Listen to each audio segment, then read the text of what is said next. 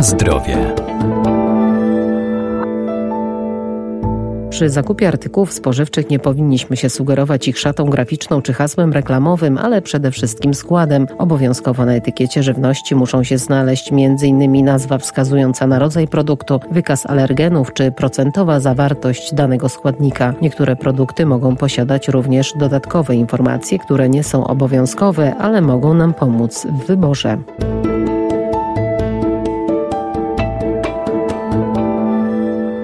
Etykiety na opakowaniach żywności to dla nas cenne źródło informacji, dlatego należy je czytać. Z nich dowiemy się, z jakim produktem mamy do czynienia. Na pierwszym miejscu w składzie wyrobu znajduje się składnik, którego jest w nim najwięcej. Niektóre produkty mogą też posiadać specjalne informacje od producenta. Zdarza się, że przedsiębiorca podaje też dodatkowe informacje, takie jak zawartość kwasów tłuszczowych jedno- i wielonienasyconych, skrobi czy też błonnika, ale też niektórzy przedsiębiorcy podają informacje dotyczące zawartości witamin i składników mineralnych. Doktor inżynier Agnieszka Latoch, Wydział Nauk o Żywności i Biotechnologii Uniwersytetu Przyrodniczego w Lublinie. Te informacje nie są informacjami obligatoryjnymi. Jest to coś, co przedsiębiorca może zrobić dodatkowo, ale ze względu na to, że e, dzięki podaniu takich informacji dotyczących zawartości białka, czy zawartości witamin, czy składników mineralnych, wydawałoby się, że taki produkt staje się bardziej konkurencyjny na rynku, ponieważ osoby, które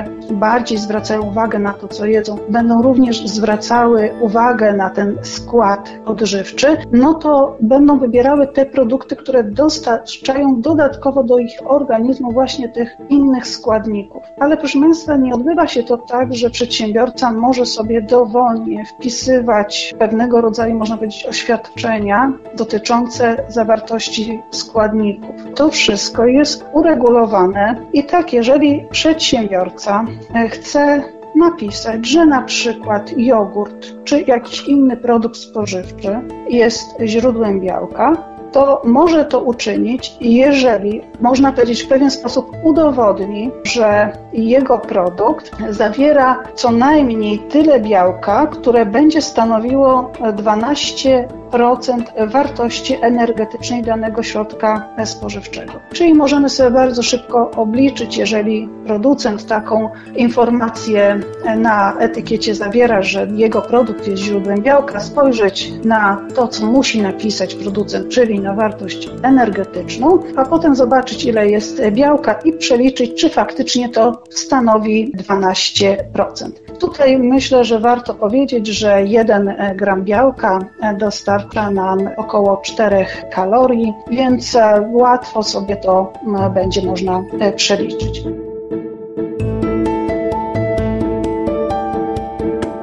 Na zdrowie. Producenci mogą również umieszczać informacje o niższej zawartości soli czy cukru, a także o witaminach czy innych składnikach odżywczych. W przypadku też etykiet przedsiębiorcy, producenci bardzo często podają informacje, że na przykład różnego rodzaju produkty zbożowe są źródłem błonnika pokarmowego. Oczywiście też mogą to zrobić pod warunkiem, że dany produkt zawiera co najmniej 3 gramy błonnika na 100 gram tego produktu. Więc znowu przedsiębiorca musi na etykiecie faktycznie napisać, ile, jaka jest zawartość tego błonnika w produkcie spożywczym. Bardzo ważną chyba też kwestią, na którą wiele osób zwraca uwagę, jest oświadczenie dotyczące niskiej zawartości soli czy też sodu.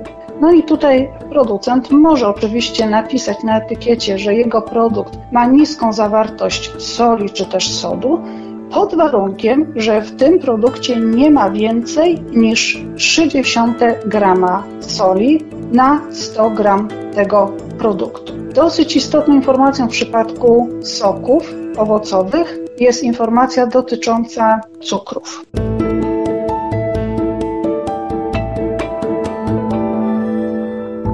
Warto zatem dokładnie czytać informacje na opakowaniu i wybierać właściwy produkt, bo na przykład na kartonie powinniśmy znaleźć jasną informację, czy kupujemy napój, sok, czy może nektar. Mają one zupełnie inny skład, charakterystykę i trwałość, a wszelkie nieprawidłowości co do jakości produktu lub jego oznakowania możemy zgłosić do Inspekcji Jakości Handlowej Artykułów Rolno-Spożywczych.